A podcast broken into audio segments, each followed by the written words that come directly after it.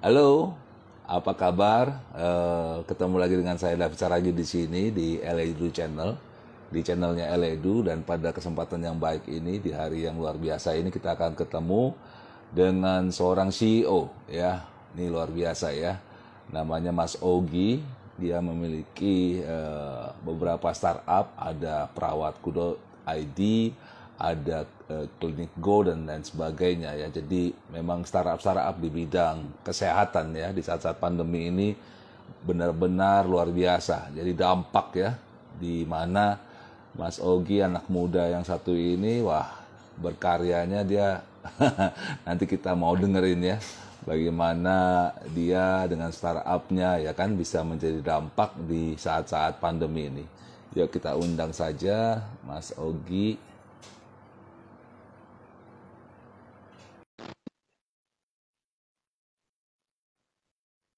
Oke, kita udah undang.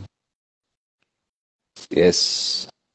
Ya, Ledu di sini berharap semuanya pada sehat-sehat, baik-baik, dan uh, walaupun berita mengatakan ada varian baru dan seterusnya, ya stay healthy, ya kan tetap jaga jarak, ya kan tetap uh, terus memakai masker, ya kan lalu juga setiap daripada kita semuanya tetap sehat dan kuat.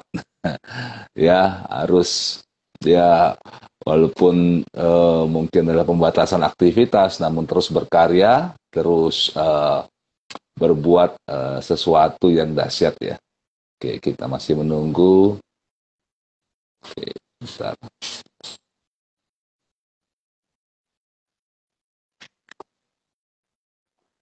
besar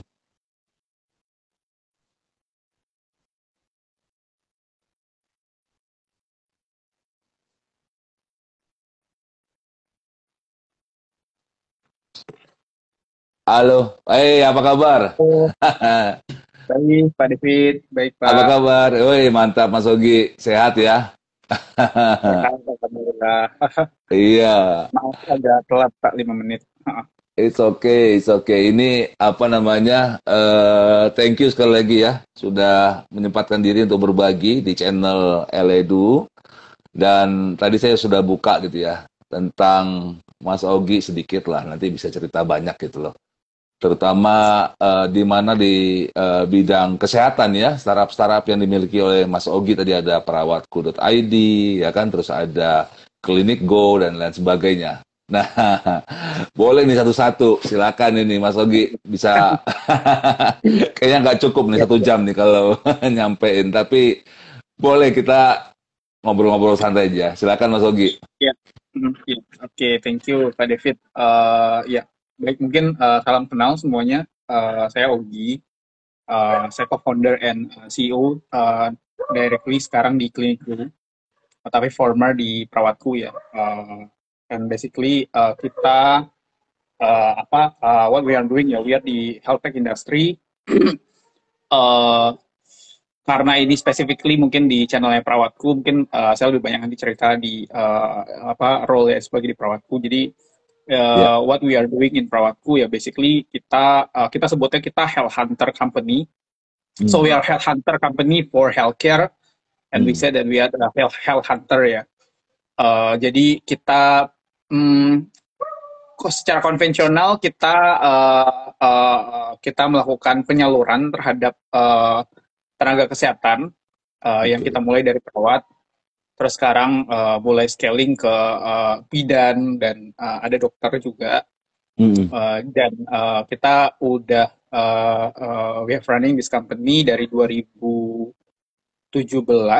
basically terus yeah. 2018 we get invest investment from uh, UMG Idea Lab. Okay. Uh, jadi part of uh, apa namanya uh, one of the company that invested di uh, grupnya UMG gitu ya. And then yeah. uh, kita uh, di 2020 uh, what we are doing di 2020 cukup masif. Yeah. Kita uh, banyak bantu uh, apa namanya uh, uh, uh, pandemic uh, for this hmm. case uh, bantu uh, via uh, government juga di Kemenkes Oke. untuk uh, support uh, apa namanya uh, di 2020 kita support uh, trias model gitu jadi kayak uh, Hmm. teleconsult uh, accompanied by nurse gitu ya Iya.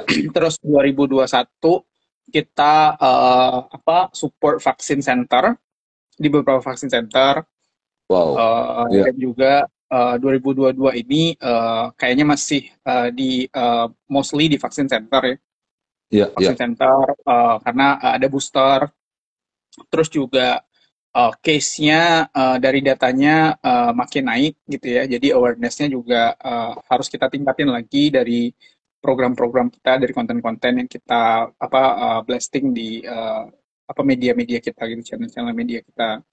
Terus currently uh, aktif untuk melakukan uh, apa webinar juga gitu ya Iya. untuk nge-engage uh, mitra-mitra uh, dan juga perawat-perawat baru uh, Iya. fokusly on nurse gitu ya uh, and midwife juga untuk uh, apa namanya uh, uh, memperbaharui uh, uh, sorry uh, untuk mengupskills mereka dan juga Hmm. dengan uh, webinar-webinar ini uh, mereka juga uh, karena kan tenaga kesehatan itu diwajibkan ya untuk mengikuti webinar-webinar Iya. uh, ber-SKP untuk memperbaharui uh, STR mereka gitu.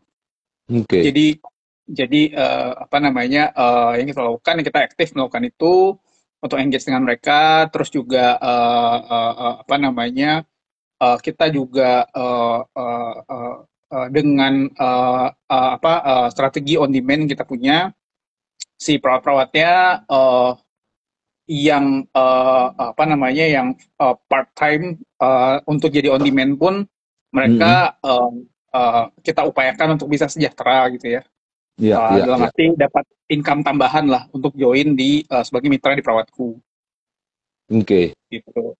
Mantap, mantap. Mas Ogi, cerita dong eh, waktu asal muasal eh, perawatku itu lahir kapan ya kan? Terus tuh Ya. eh, kenapa ya? Mungkin pasti ada why-nya ya. Why membangun perawatku gitu kan ya. Terus Ya, ya. eh, ah, coba deh cerita deh. Nah, ini seru nih karena ada beberapa eh, pertanyaan juga tapi nanti kita mau jawab satu-satu ya. Tapi saya mau tanya dulu sama Mas Ogi nih why ya waktu itu membangun perawatku dan kapan dan bagaimana Ayo, silakan Ya, uh, yuk Pak David. Jadi uh, kita mulai di 2017 tadi ya, as I mentioned. Hmm, Uh, uh, jadi waktu itu uh, apa uh, I have uh, also my co-founder uh, Mbak Tri Iya. uh, uh, yang sebelumnya memang backgroundnya perawat ya. Kalau saya kan memang bukan kesehatan sebenarnya backgroundnya gitu ya. oke uh, I apa I studied in law school terus uh, Hmm. S2-nya di uh, manajemen uh, Oke. bisnis gitu ya. Terus uh, Hmm. Uh, apa uh, I am a co-founder Mbak Tri uh, as uh, Hmm. now as a form apa as a CEO di Perawatku. Mm-mm. Terus uh, what we are doing kita bantu gimana caranya perawat yang sudah uh, lulus untuk bisa dapat uh, uh, bekerja sebagai Mhm. uh, mitra uh, home care atau pada saat Oke. itu fokusnya di elderly care lah, elderly dan baby Hmm. care. Mm-mm. Terus uh, uh, itu kita lakuin sampai di 2019 Mm-mm. karena uh, the market is quite challenging ya di Indonesia. Maksudnya kita nggak bisa directly untuk melakukan home care karena uh, regulasinya um, untuk melakukan home care itu harus berdasarkan Vaskes. oke Jadi jadi uh, sebenarnya uh, untuk langsung memprovide tenaga kesehatan uh, Hmm. freelance ya tanpa ada SIP itu belum boleh gitu di Indonesia dan kayaknya juga nggak Oh. boleh karena kan nggak ada Vaskesnya Oke. ya. Iya iya Uh, iya. Jadi yang sekarang kita lakukan pun sebenarnya kita berdasarkan Vaskes jadi ada kerjasama dengan uh, Vaskes-Vaskes yang jadi mitra gitulah.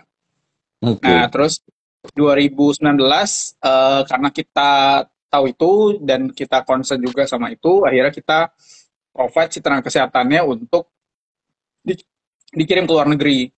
Jadi Hmm. mereka eh, apa namanya ada tambahan satu modul lagi pembelajaran, which is bahasa. Eh, dan kita punya off taker eh, waktu itu fokusnya di eh, Saudi sama Jepang.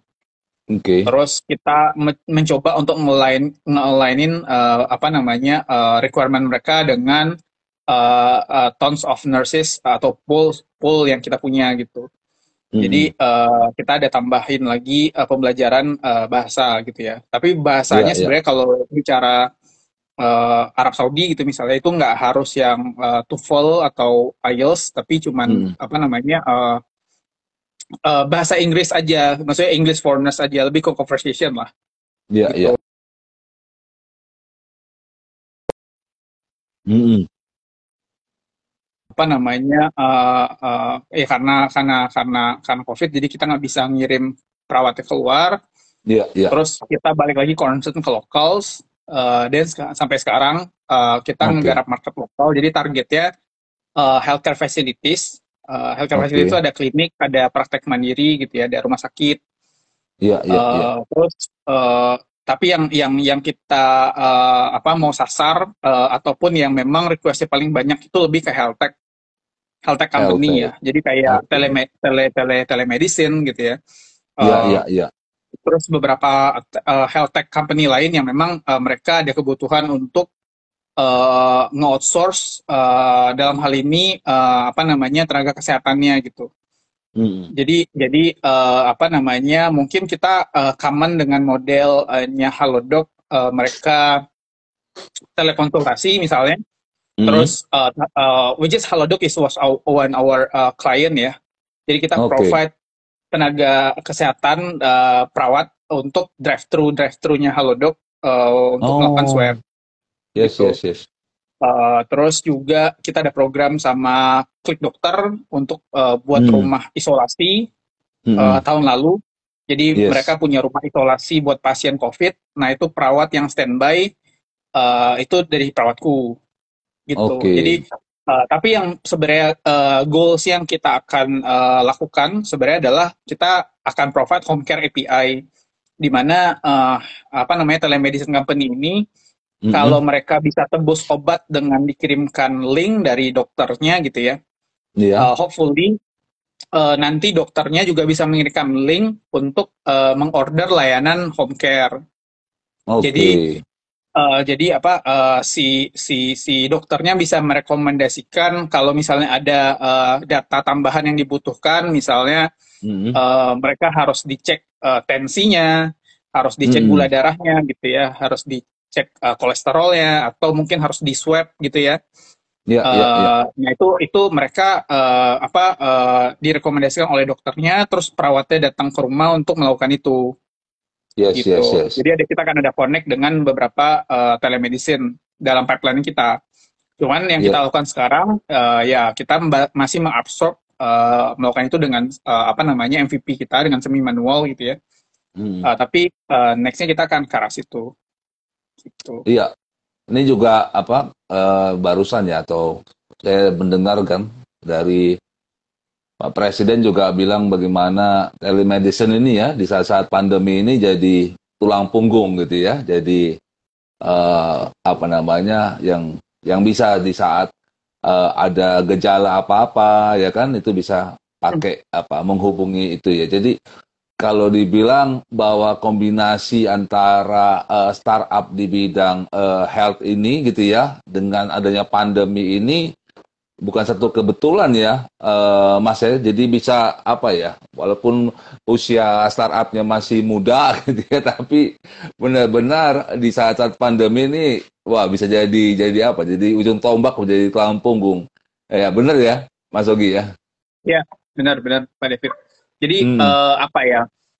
Uh, uh, uh, uh, karena juga mungkin karena uh, uh, apa uh, kita ya kita kita kita pada dasarnya uh, uh, senang kolaborasi ya uh, I mean yeah. di startup industry apalagi gitu ya karena hmm. in terms of bisa uh, uh, apa bisa ngerdiskus juga gitu ya bisa bisa yeah. ada fit saling ada feedback juga gitu ya that's hmm. how kolaborasi works lah gitu jadi pada yeah. dasarnya karena memang kalau misalnya kita bicara telemedicine company mereka fokusnya di teknologi uh, telemedicine-nya gitu ya.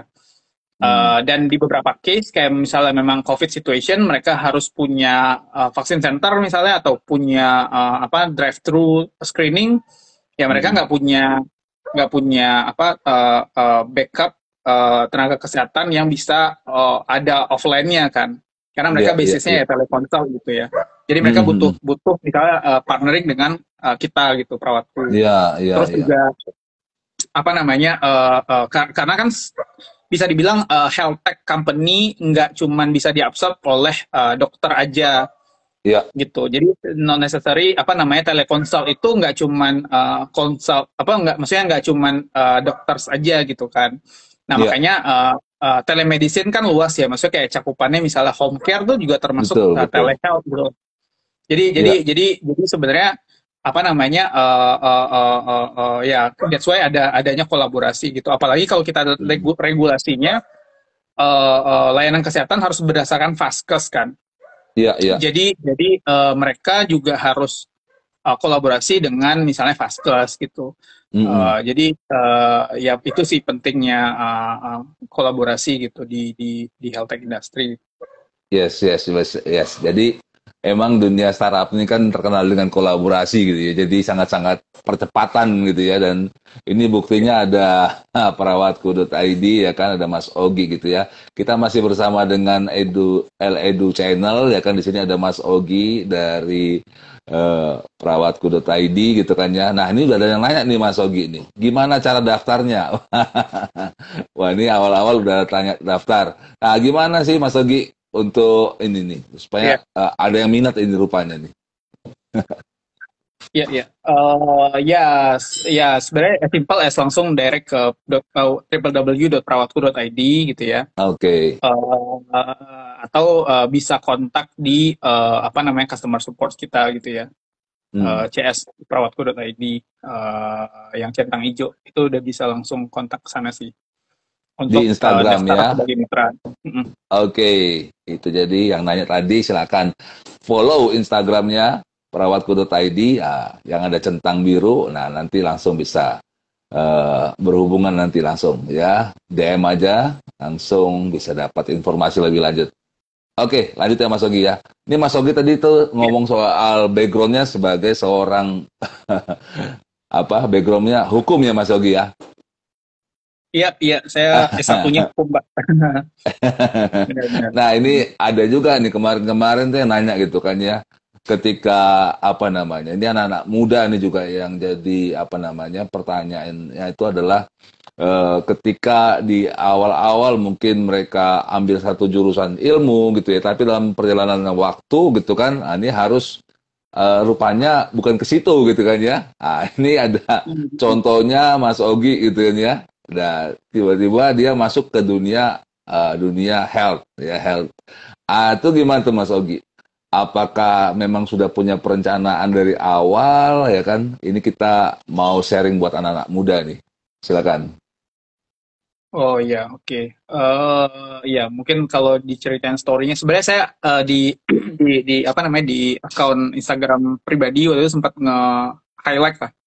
Eh, Ya. apa namanya soal story ya. Eh, eh, kalau dibilang eh, apa namanya tiba-tiba eh, eh, masuk ke tech company sebenarnya Mhm. enggak juga karena eh, dari dari sekolah gitu ya. Eh, Iya. Mungkin bisa dibilang privilege juga gitu ya karena karena eh, apa namanya ya saya saya punya computers yang Mhm. mungkin speknya memadai gitu ya. Eh, terus eh, saya punya teman juga yang punya warnet gitu. Jadi Oh, pada saat oke. itu kita punya inisiatif eh, kita bikin website. Eh, Mhm. Ya waktu itu karena kita suka musik, jadi kita bikin website musik. Terus eh, kita monetize eh, website tersebut eh, Mhm. dengan eh, pay to click. Kalau kayaknya kalau yang sangkatan sama saya tuh eh, tau lah pay to click tuh jadi kayak kalau kita Mhm. download eh, free music atau free files gitu ya, itu Oke. kan ada yang bikin kita nunggu tiga detik. Mhm. Eh, terus di selama tiga detik itu ada ada ada iklan-iklan di situ gitu. Atau pas kita Oke. klik, kayaknya sekarang masih ada gitu ya. Oke, pas oke. eh, atau pas kita klik directly linknya itu Ah. nge-link ke hal yang lain dulu. Terus Oh. setelah dua kali diklik baru eh, file aslinya ke download gitu. Iya, iya, Nah itu iya, pay to click. Jadi itu itu kayak semacam links yang di embed di eh, download link itu. Jadi ada Betul. ada dua link atau tiga link dulu sebelum kita dap- dapat itu. Ya kita download for free kan. Iya, Jadi eh, di website-nya dapat apa ya dapat itu gitu. Nah itu tuh Mhm. itu receh sih. Maksudnya kita dapat tuh cuma 0,0001 dolar gitu. Dan Hmm. itu di di escrow ke PayPal, bikin PayPal juga susah kan pada saat itu. Terus Iya, iya. eh, nggak bisa ditarik juga uangnya. Jadi ya we do it for fun aja. Maksudnya dapat duitnya, kita beliin Hmm. belanjain barang di eBay gitu-gitulah.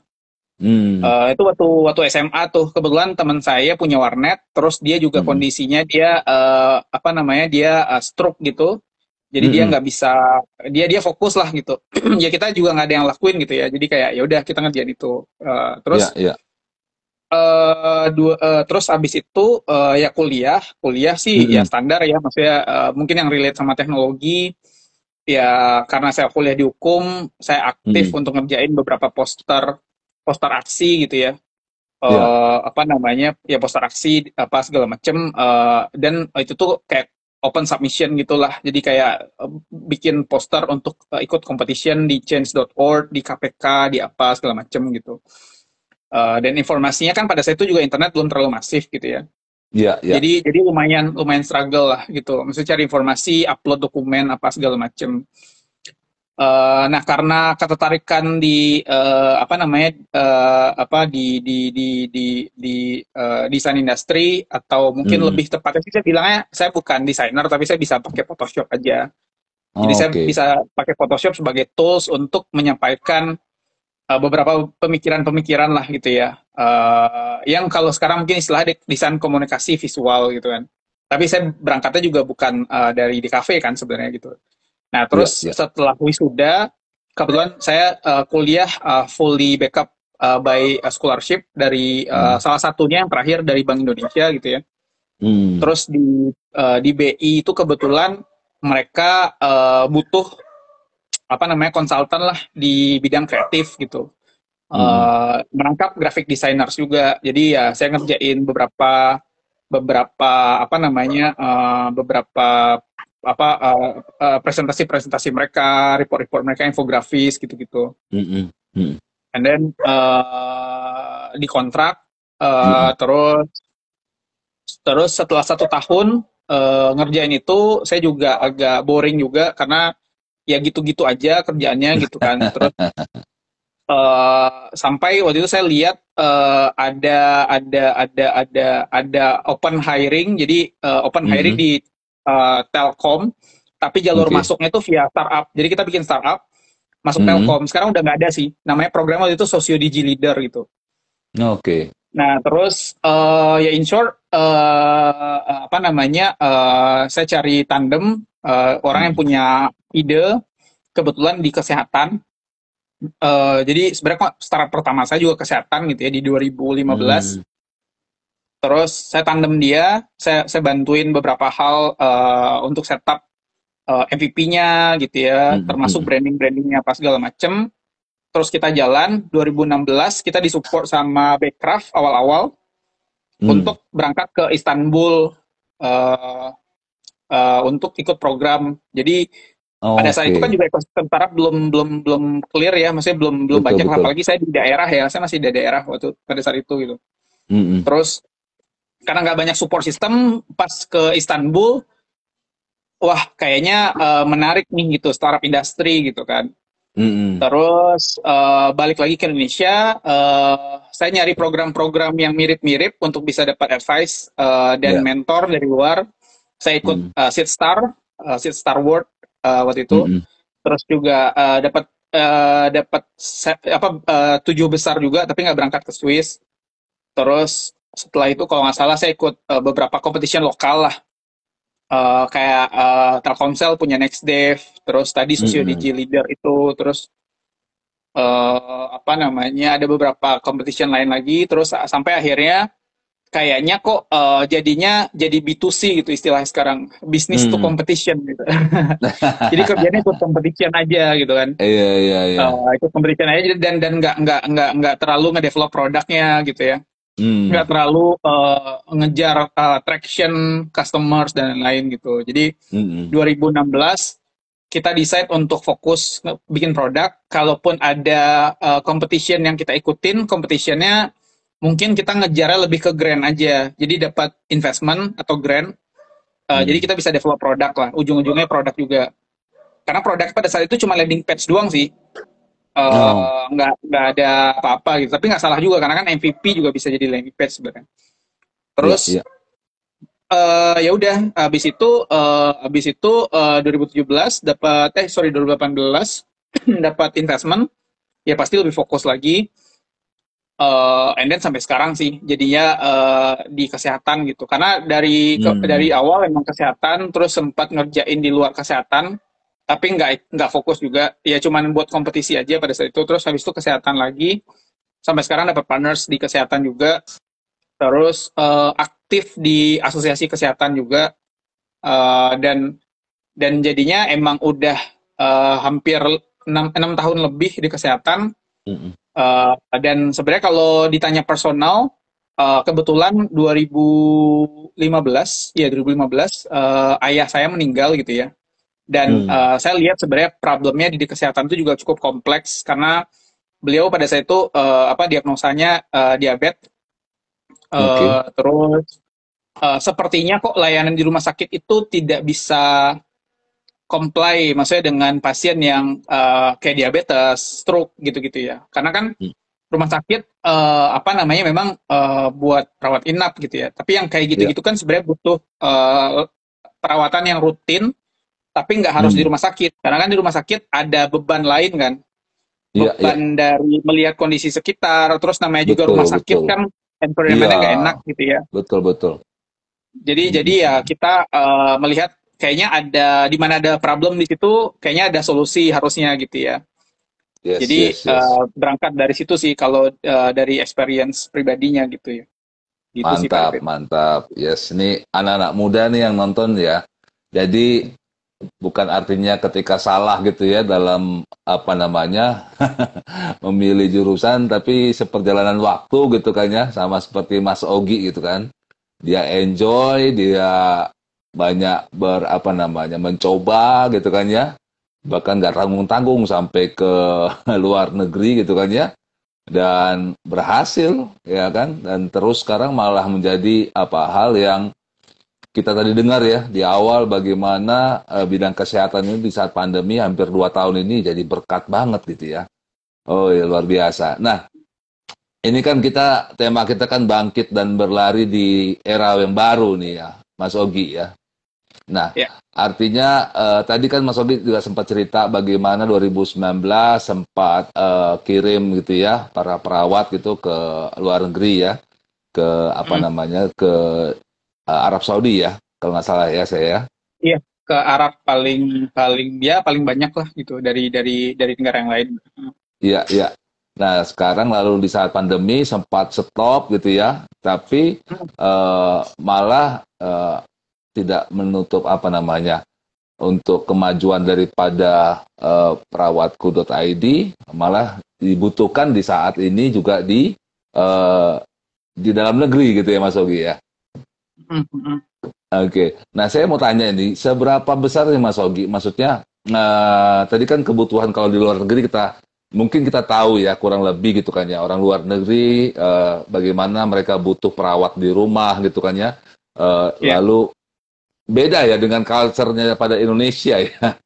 bisa cerita nggak Mas Ogi? Tapi bisa Hmm, hmm. akhirnya sekarang eh, kita melihat juga banyak eh, apa namanya rumah-rumah gitu ya keluarga-keluarga yang akhirnya terbuka gitu ya dengan perawatan yang ke rumah kayak gitu. Nah itu Ya. waktu itu ngebangunnya itu ya kan itu bagaimana Mas Ogi sehingga orang-orang kita ini akhirnya juga oh ini juga memang dibutuhkan juga gitu. Ya silakan Mas Ogi. Iya, iya. Hmm, ya kalau di luar negeri sih sebenarnya eh, untuk eh, home care gitu ya atau layanan on Mm-mm. demand eh, kesehatan sebenarnya juga bisa dibilang eh dibilang masif juga sebenarnya belum terlalu masif. Eh, apa yang kita provide kemarin pas di luar negeri sebenarnya memang lebih ke vaskes juga. Eh, Oke. Kita kita provide untuk klinik klinik eh, di Saudi Arabia gitu ya. Terus juga ada beberapa di corporate eh, corporate yang memang mereka punya vaskes juga. Iya, Sebenarnya iya. vaskes-vaskes juga ujung-ujungnya. Nah, mungkin yang membedakan adalah eh, di sana eh, mereka bisa dibilang eh, apa ya? eh, mereka punya eh, gimana ya? Eh, mereka tuh eh, secara eh, eh, salary ke upgrade. Mm. karena Oke. karena uh, ya mm, ya sebenarnya secara karena mereka juga uh, apa namanya ada negara maju gitu ya dan uh, apa namanya memperhatikan kesejahteraan lah Iya. terus mereka bilang uh, user sana bilang uh, perawat uh, dari Indonesia gitu ya uh, Mm-mm. itu mannersnya oke terus juga kan kalau Oke. bicara Saudi Arabia mostly Muslim Iya. terus eh, apa namanya eh, eh, keilmuannya juga bagus sebenarnya yang kurang itu cuman bahasa aja Bahasa ya. gitu Oke. dan eh, soal ini kita eh, compete eh, negara penyuplainya cuman Mm-mm. compete-nya itu antara Indonesia dan Filipina nah Oh, Filipina oke. secara bahasa mereka udah bagus dan mindset untuk mereka setelah lulus bekerja di luar negeri itu udah ada terta- tertanam gitu Mm-mm. beda sama Indonesia jadi Oke. makanya uh, challenge-nya itu sih kalau di Indonesia. Padahal memang banyak orang yang uh, pengen ke Arab juga gitu ya. Kalau kita bicara konteksnya Arab, karena Iya. uh, ya selain mereka bekerja di sini secara salary bagus, terus Mhm. uh, apa namanya uh, mereka juga bisa uh, dapat uh, fast track untuk bisa haji umroh gitu kan. Iya betul. Uh, which is jadi Iya, jadi iya, goalsnya mungkin kalau mereka uh, Muslim gitu kan. Nah jadi Betul, sebenarnya eh, banyak-banyak eh, privilege lah yang mereka bisa dapat. Nah cuman memang perkaranya bahasa. Nah bahasa ini kan memang butuh motivasi juga kan. Eh, Di luar itu satu lagi eh, mereka harus lulus tes namanya prometric. Nah prometric ini juga eh, jadi barrier karena eh, eh, apa namanya hal- mereka eh, eh, apa tidak ada tryoutnya lah intinya. Di Indonesia tidak Hmm. di provide tryoutnya. Iya, Jadi iya. mereka harus ke sana dulu untuk eh, eh maksudnya misal mereka agak gambling ke sana karena Hmm. mereka tesnya di sana gitu. Nah, kalau tryoutnya di provide di Indonesia, sebenarnya Hmm. mereka eh, chance-nya lebih besar karena mereka udah tryoutnya lulus di sini, mereka lebih pede kan.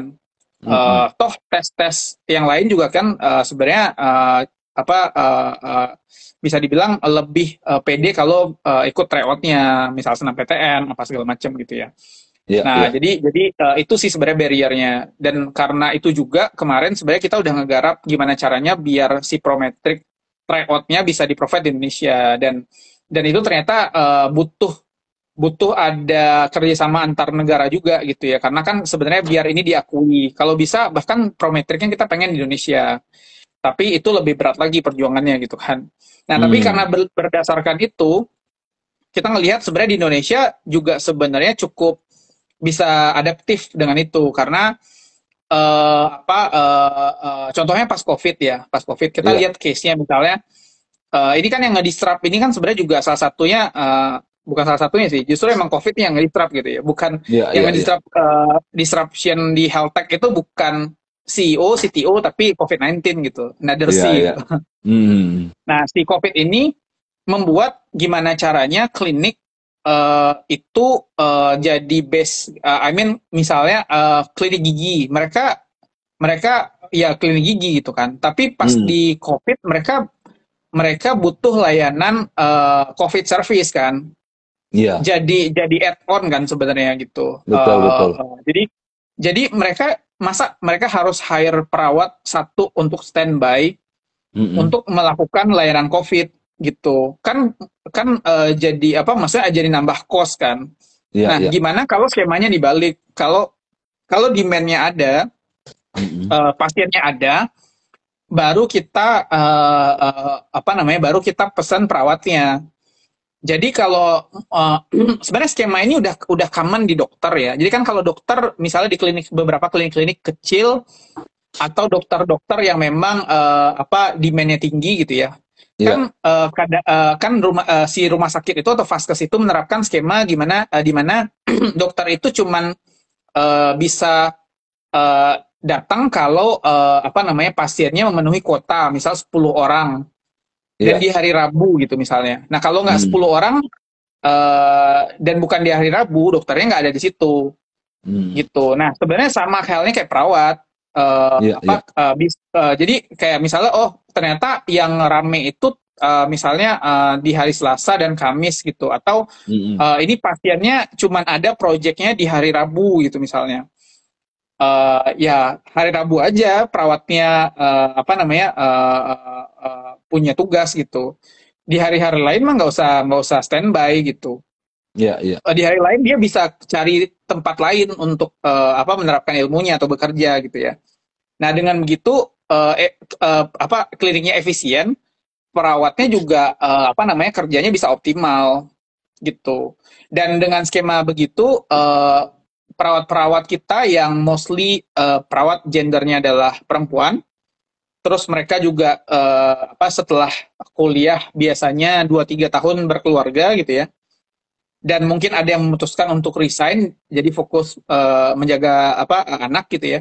Yeah. Nah itu bisa bisa bisa dapat income yang sama dengan uh, temannya mereka yang full time di rumah sakit atau klinik. Wow. Yes. Jadi yes. mereka bisa ngambil mereka hmm. bisa mengambil layanan di mana mereka uh, pengen ambil atau hmm. mereka free-nya di kapan gitu kan. Hmm. Jadi, Fleksibel jadi, banget ya. Uh, Iya, jadi jadi ya itu prinsipnya on demand kan sebenarnya hmm. gitu. Uh, yeah, yeah. Jadi uh, sekarang udah nggak ada barrier lagi di mana mereka harus kerja apa namanya shift shiftan. Mm -hmm. uh, apalagi shift malam tuh mungkin teman-teman perawat di sini paling ini ya paling concern ya shift iya, malam yeah, yeah, yeah. uh, tidur gitu kan. Jadi mereka yeah. ya mereka bisa ambil uh, waktu di mana mereka free time, mereka bisa ambil layanan. Kalaupun mm. mereka nggak ambil ya nggak apa-apa juga gitu kan. Hmm. Gitu sih. Dan dan apa namanya uh, masih untuk di Indonesia sendiri itu masih besar sekali itunya ya uh, kebutuhannya ya Mas Ogi ya. Iya iya. Uh, jadi di Indonesia uh, market cap-nya itu kita mm -hmm. lihat dari market cap pertumbuhan spending di healthcare ya itu kayaknya yeah. sampai 4,7 uh, billion gitu ya. Yeah. Terus uh, setelah itu pertumbuhan jumlah mitra atau uh, supply perawatnya. Karena hmm. perawat itu kampus kesehatan perawat uh, terutama keperawatan gitu ya. Iya, keperawatan. Itu uh, sekarang itu uh, udah moratorium. Jadi moratorium uh, tidak ada lagi kampus baru karena oversupply kan. Iya, iya. Makanya karena oversupply uh, dan negara lain butuh, makanya kita jadi bisa kirim demand-nya keluar. Karena hmm. pertumbuhan uh, vaskesnya tidak secepat pertumbuhan supply perawatnya. Okay. Jadi jadi uh, supply pra, uh, supply vaskesnya kalau mungkin uh, perbandingannya di uh, dokter 4 banding 10 ribu, which is dokternya masih kurang gitu ya, mm-hmm. uh, dengan jumlah pasiennya. Uh, kalau perawat justru sebenarnya bisa dibilang satu banding tiga apa kalau nggak salah. Jadi jumlahnya itu sebenarnya equals lah, hampir hampir mendekati equals. Uh, tapi kan itu perbandingan uh, perawat dengan pasiennya kan, uh, dan Betul. pasien kan, uh, maksudnya perawat uh, uh, apa namanya uh, mindsetnya mereka bekerja di vaskes terus nih, hmm. jadi uh, uh, apa namanya ya itu makanya jadinya nggak nggak compete lah, uh, apa uh, kalau misalnya program misalnya salah satunya misalnya di Jakarta gitu ya, satu hmm. perawat satu uh, uh, kecamatan Nah, sebenarnya kan harusnya ada satu uh, apa namanya satu uh, praktek mandiri yang dibuka oleh perawat kan. Tapi kan kita jarang yeah. melihat perawat tuh buka praktek mandiri. Biasanya hmm. tuh dokter kalau nggak di daerah-daerah tuh seringnya bidan. Iya, yeah, iya, yeah, iya. Yeah. Nah, itu jadi jadi juga sebenarnya jadi jadi jadi uh, apa namanya jadi satu barrier juga. Sebenarnya perawat tuh uh, mereka bisa buka praktek mandiri walaupun terbatas di beberapa layanan. Mm -hmm. Tapi salah satu layanan yang cukup uh, market cap-nya cukup besar sebenarnya layanan perawatan luka atau wound care. Perawatan nah, di mana, luka. Perawatan luka. Nah, di mana sebenarnya kalau okay. kita lihat uh, apa namanya uh, datanya di Indonesia hmm. memang paling banyak juga uh, penyakitnya itu diabetes kan. Which is yeah. diabetes uh, relate ke wound care juga gitu. Jadi sebenarnya uh, harusnya yang digencarkan hmm Itu adalah gimana caranya perawat tuh bisa uh, apa bisa mandiri mm-hmm. uh, dengan uh, buka praktek mandiri gitu. Jadi uh, mm-hmm. in terms of mereka bekerja dengan home care, mm-hmm. mereka juga sebenarnya punya kapabilitas untuk bisa buka praktek mandiri. Nah itu juga salah satu plan yang akan kita execute uh, apa namanya di uh, di di perawatku gitu. Wow, wow, wow, menarik nih, wah luar biasa nih. Jadi buat uh, teman-teman yang baru join ya kan nanti bisa juga uh, dilihat lagi ya ini bagus banget ini banyak sekali yang kita dapat ya tentang perawatku.id gitu ya bersama dengan CEO-nya Mas Ogi ya kan uh, dan bagaimana wah luar biasa ya saya juga baru dengar tuh ya Wah, bahwa perawat bisa juga untuk membuka uh, tempat sendiri ya kan? Dan juga di Indonesia ya terutama itu uh, kebutuhannya sangat sangat besar ya. Terutama tadi ya untuk uh, perawat luka gitu ya. Oke oke oke. Ya masih bersama dengan Eledu di sini di channel Eledu ya kan? Saya dengan David ya di mana Eledu ini kita uh, company uh, startup bisnis ya kita di karakter builder application dan saat ini ya kita sedang ngebangun sebuah aplikasi dan bagaimana mengedukasi gitu ya mengedukasi uh, khususnya kepada uh, karakter ya kan. Nah bicara tentang karakter nih Mas Ogi ya kan. Tadi Mas Ogi juga ada bilang bahwa perawat-perawat Indonesia itu punya apa ya, punya hal yang banyak sekali yang positif ya. Kurangnya cuma di bahasa ya Mas Ogi ya. Iya. Oke. Okay. Nah, ya, tapi kalau Mas Ogi ya kalau tanya soal karakter nih ya. Karakter yang seperti apa sih yang ideal Mas Ogi buat seorang perawat ya? Ini mungkin ini banyak juga yang nonton nih para calon-calon perawat gitu ya. Jadi perawat-perawat apa nih yang yang Mas Ogi lihat gitu kan ya, yang wah ketika dirawat ya pasien itu sangat happy gitu ya. Mungkin boleh dibocorin nih Mas Ogi. Karakter-karakter seperti apa yang di diincar gitu oleh para pasien-pasien atas perawatnya. Iya, iya, iya. Uh, basically uh, apa namanya uh, apa kalau bicara layanan kesehatan ya uh, kita uh, fokusnya di uh, uh, layanan atau services hmm. gitu kan ya namanya yeah. services pastinya uh, apa namanya uh, si uh, servicesnya mesti uh, uh, apa namanya relate mungkin ke hospitality gitu hmm. nah uh, yang namanya hospitality ya kita pasti bicaranya soal excellent services Makanya okay. kita juga ada provide CRM gitu misalnya customer relation manager untuk nge, hmm. nge, nge, ngasih feedback terhadap layanan-layanan yang uh, dilakukan oleh uh, apa perawat-perawat kita gitu. Yeah, nah, yeah, yeah. Uh, apa namanya uh, si si si kalau bicara tadi uh, soal karakternya uh, mm -hmm. yang pasti uh, mereka uh, customer centric ya. Jadi mm. mengedepankan uh, apa namanya uh, uh, uh, kepuasan atau kenyamanan uh, si uh, pasiennya gitu. Dalam hal ini hmm. juga sebenarnya uh, kita selalu tekankan uh, uh, apa namanya ke uh, perawat-perawat mitra kita karena itu yang membuat uh, pasien tersebut uh, mau recurring kan dengan kita dan pada dasarnya uh, uh, uh, apa uh, uh, uh, gimana caranya juga buat si uh, mitra-mitranya itu punya uh, edit value yang mereka uh, kasih ke uh, customers mereka atau pasiennya mereka.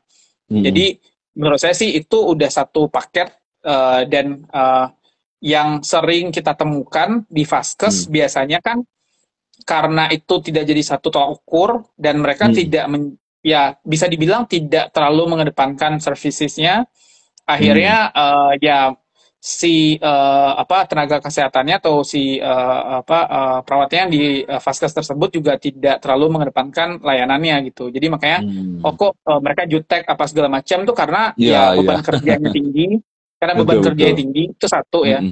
Yang kedua hmm. ya karena itu nggak jadi tol ukur gitu. Uh, nggak hmm. jadi tol ukur di mana uh, sebenarnya yang diprioritaskan adalah uh, apa namanya layanannya bukan uh, mereka bisa serve pasien berapa banyak gitu. Ya kalau misalnya hmm. udah mencapai certain numbers harusnya ya jumlah perawatnya ditambah dong.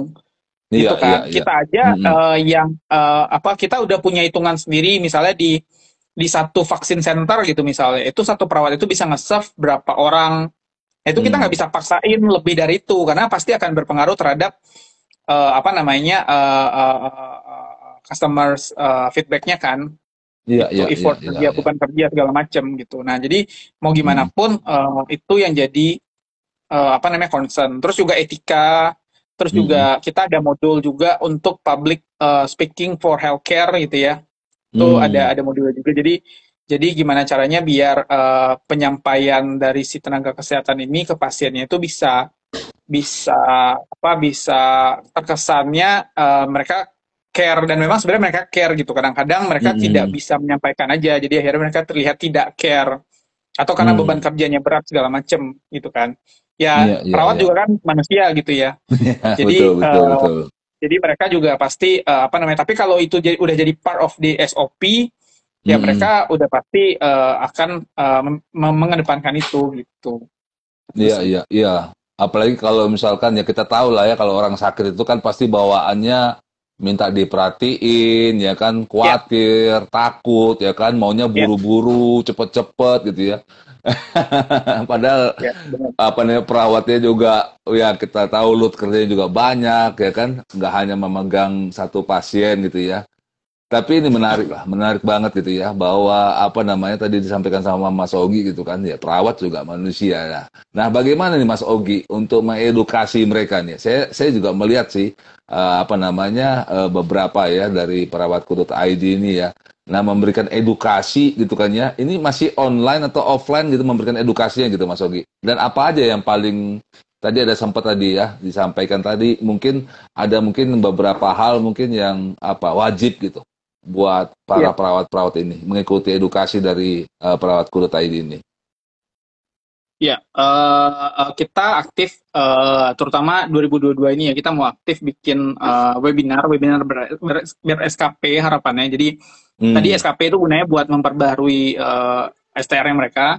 Jadi hmm. uh, apa namanya mereka harus me, me, mencapai be, uh, sejumlah poin oh, yang tiap webinar tuh diberikan poin lah intinya gitu.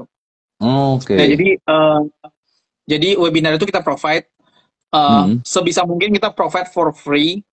Jadi mm. nggak bayar uh, webinarnya. Terus yeah. Iya. uh, di situ nanti kita akan set gimana caranya pemateri-pematerinya relate lah dengan kondisi tenaga kesehatan sekarang gitu ya. Mungkin mm. temanya lebih ke digitalisasi. Terus mm. misalnya gimana caranya biar uh, tenaga kesehatan yang punya praktek uh, apa yang ia bekerja di Vaskes bisa memaksimalkan fungsi mereka di Vaskes gitu-gitu. Jadi mm-hmm. uh, apa namanya ya bukan uh, webinar-webinar yang mainstream lah kayak gitu. Terus uh, apa namanya uh, ya itu beberapa hal yang kita lakukan. Terus juga kita ada recurring konten juga yang bisa diakses itu on mm-hmm. process. Mm-hmm. Uh, apa namanya? Terus juga kita mulai aktif untuk memberikan edukasi ke beberapa perawat kita, walaupun beberapa masih beberapa uh, konteksnya masih beberapa perawat mitra yang join dengan kita, jadi mm. kayak pentingnya uh, apa namanya uh, uh, uh, uh, mengedukasi pasien karena uh, saya lupa istilahnya apa, tapi di keperawatan itu ada ada semacam istilah yang sebenarnya mereka itu me, uh, sebagai uh, apa namanya uh, quote unquote yang mengedukasi lah, mengedukasi pasien gitu ya. Oh, Kalau okay. paliatif, paliatif care atau apa gitu. Okay. Jadi jadi mereka mereka punya uh, mereka harus punya itu gitu. Kalau hmm. ya kayak kayak kader di posyandu lah. Mereka oh, ibu-ibu oh, okay. yang memberikan edukasi kan terkait mm-hmm. uh, apa namanya uh, kesehatan ibu atau ibu anak gitu. Nah mm-hmm. perawat tuh juga melakukan hal itu gitu. Mungkin nggak cuma perawat yeah, ya, yeah. tapi semua tenaga kesehatan. Tapi perawat yang paling intas lah uh, di rumah sakit juga yang day to day uh, mengupdate pasien apa segala macam kan perawat ya. Yeah. Ya, makanya kita uh, bilang perawat itu sebenarnya sebagai last miles lah. Itu yang paling visible untuk bisa melakukan uh, atau mendekat dengan uh, masyarakat ataupun pasien. Karena secara jumlah mereka paling banyak. Mm -hmm. Terus uh, mereka juga secara apa ya? Karena jumlahnya banyak, supply and demand gitu ya, hukum supply and demand. Jadi mereka paling visible untuk uh, datang ke masyarakat dan yeah. cost-nya paling affordable gitu. Karena mm. kan kalau kita bicara dokter harus ke rumah, udah pasti costnya uh, besar gitu ya. Nah, kalau kalau kita bicara nurse ke rumah itu paling affordable lah gitu. Uh, dan hmm. apa ya affordable buat semua ya win-win buat semua buat perawatnya oke, okay, buat uh, apa namanya buat pasiennya juga oke okay, gitu. Jadi hmm. jadi win-win sih gitu. Yes, wah mantap, mantap, mantap. Yes, keren, keren. Ya, jadi uh, sekali lagi buat rekan-rekan yang baru join, ini bersama dengan Mas Ogi ya, CEO dari perawatku.id ya kan tadi, waduh panjang lebar kita cerita apa hal-hal tentang perawatku.id dan juga yang lain-lain ya kan nanti kalau terlewat silakan nanti nonton kembali di channel Eledu ya ini Eledu Nation ya kan bisa nanti disaksikan kembali ya videonya ini. Nah Lalu ada tadi sempat tadi yang namanya Klinik Go. Boleh sounding sedikit, uh, Mas Ogi. Klinik Go itu apa ya? Oh iya. Ha. Jadi uh, kita uh, tahu tadi kalau misalnya uh, uh, tenaga kesehatan tuh nggak bisa datang ke rumah directly Hmm. karena uh, mereka uh, apa namanya uh, in terms of uh, mereka cuma punya STR tidak punya SIP gitu kan Mm-mm. Uh, yang kedua uh, mereka mungkin uh, fresh grade aja gitu jadi belum pernah Mm-mm. ke pasien nah makanya uh, uh, dua hal tersebut uh, kita uh, punya inisiatif uh, untuk bikin produk namanya Klinikgu nah basically Oke. apa yang dilakukan Klinikgu uh, kita uh, engage dengan mitra-mitra klinik sih sebenarnya sederhana itu gimana Hmm. caranya uh, kita uh, kita bilang kita O2O aggregator jadi offline to online aggregator gimana kita Online engage dengan beberapa engage dengan beberapa healthcare facilities terutama um, uh, rural atau uh, grassroots healthcare facilities uh, praktek mandiri dan uh, klinik pratama yang kategorinya sebenarnya kayak small medium enterprise tapi di bidang kesehatan gitu. Jadi klinik kecil uh, praktek mandiri yang mereka uh, sebenarnya punya layanan bagus, cuman karena lokasi, uh, misalnya Mhm. lokasi mereka masuk gang apa segala macam, jadi mereka Mm-mm. nggak ter-highlight uh, apa namanya nggak ter-highlight. Jadi uh, Mhm. jumlah pasien mereka ya warga sekitar aja gitu. Padahal sebenarnya Hmm. layanannya bagus. Nah Mm-mm. Uh, apa yang kita lakukan dengan klinikku dan perawatku, jadi kita bantu gimana caranya uh, klinik tersebut bisa ke highlight, terus kliniknya nggak perlu uh, nunggu pasien aja, jadi bisa jemput pasien juga dengan home care. Jadi Oke. klinik tersebut nggak perlu hire full time nurse, Mm-mm. mereka kapan pun mereka butuh ada layanan kesehatan apa ada ada layanan home care, mereka tinggal pakai perawat yang di sekitar klinik tersebut untuk datang ke pasien. Oh, Jadi flow-nya eh, klinik ngestok misalnya kalau contohnya eh, COVID service, Mm-mm. eh, klinik ngestok eh, APD atau Iya. dan juga COVID eh, test kit. Iya. Terus eh, perawatnya datang ke klinik ambil test kit tersebut, Mm-mm. datang ke rumah pasien, nge- nge-swab, Iya. terus balik lagi ke klinik untuk naruh sampel swabnya dan eh, Hmm. nanti kliniknya mengeluarkan surat di email ke eh, pasiennya. Pasien tersebut. Oke. Dan Wah, menarik Klin- ya. eh, apa, Mm-mm. eh, perawat juga nggak perlu eh, stok alat apa segala macam karena alatnya diambil dari klinik di klinik tersebut. Oke, oke. Wow, ini sangat-sangat membantu betul ya kan, baik terhadap kliniknya, baik itu terhadap perawatnya dan juga kepada pasiennya kan. Wah, ini harus di-follow juga. Ada Instagramnya ya, Mas Ogi ya? Ada Mbak David eh, klinikku at klinikku. Oke, itu jangan lupa ya kan di follow juga ya perawatku.id dan juga klinik go tadi. Oke, ini nggak terasa nih Mas Ogi ngobrol-ngobrol udah satu jam. Waduh, thank you sekali lagi loh Mas Ogi. Ini malam-malam ya kan digangguin. Bisa Ya, ber sama-sama Pak David. udah lama ketemu, udah hampir dua tahun lebih kita ya sebelum pandemi Iya, nih. benar. Kapan-kapan kalau udah mereda kita bisa kopi-kopi darat nanti nih Mas Ogi. siap, siap. Boleh, Oke. David. Mungkin terakhir nih Mas Ogi, ini kan tema kita kan berlari apa bangkit dan berlari di dan berlari ya kembali di eh, apa namanya era yang baru gitu kan. Kita tahu sekarang ini kan sesudah pandemi ya eh sebelum pandemi lalu terpuruk di saat pandemi dan sekarang sudah after pandemi kita mau lari lagi. Nah, boleh nih Mas Ogi kata-kata terakhir dari Mas Ogi ya khususnya mungkin untuk para calon-calon perawat atau perawat atau siapa aja lah yang nonton gitu Iya, iya. di channel kita ini. Silakan. Iya, eh, jadi eh, sebenarnya sih eh, eh, eh, apa namanya being entrepreneurs itu eh, eh, eh, nggak gampang ya sebenarnya. Maksudnya yang saya Hmm. jalani walaupun tadi punya experience beberapa, terus eh, bahkan fieldnya juga bukan field saya juga gitu ya. Hmm. Eh, dan sepertinya during COVID nih blessing in disguise gitu ya.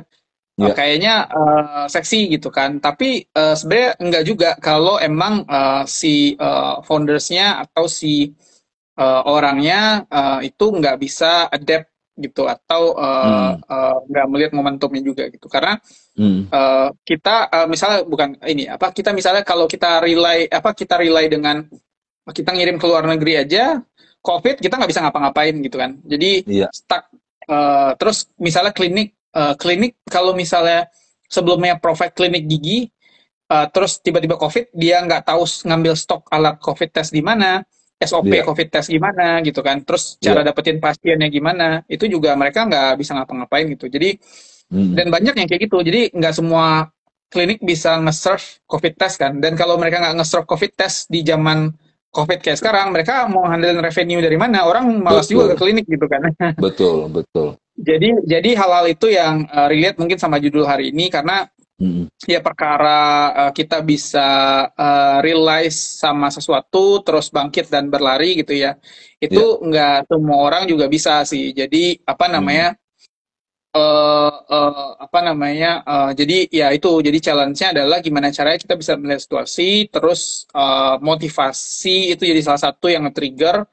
Mm. cuman the other things adalah kita juga mesti realize sama apa yang kita lakukan gimana caranya bisa kita kalau di startup mungkin istilah pivoting gitu ya Mm. eh, bisa adapt dengan kondisi dan eh, apa namanya ya bisa riding the wave lah gitu jadi eh, toh misalnya kayak eh, apa Traveloka aja sekarang jadi tra- misalnya main di Hell juga ya Traveloka Hell gitu Iya, betul, betul, betul. jadi jadi ya eh, eh, eh, apa ya shifting itu biasa sih dan dan pivoting juga biasa gitu asal memang Yes. executionnya eh, eh, apa jadi jadi satu concern dan parameter gitu sih Wow, thank you, thank you Mas Ogi. Ini udah, waduh nggak berasa ya.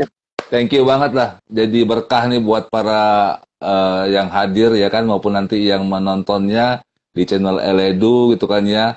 Sekali lagi thank you Mas Ogi udah sharing-sharing dari awal tadi ya harapannya yang menonton ya bisa mengambil ya kan Eh, saya yakin itu banyak sekali tadi yang di-sharingkan ya dan biarlah setiap kita ini yang benar-benar ya di saatnya untuk bangkit ya sesudah pandemi ini di 2022 dan kita siap untuk berlari.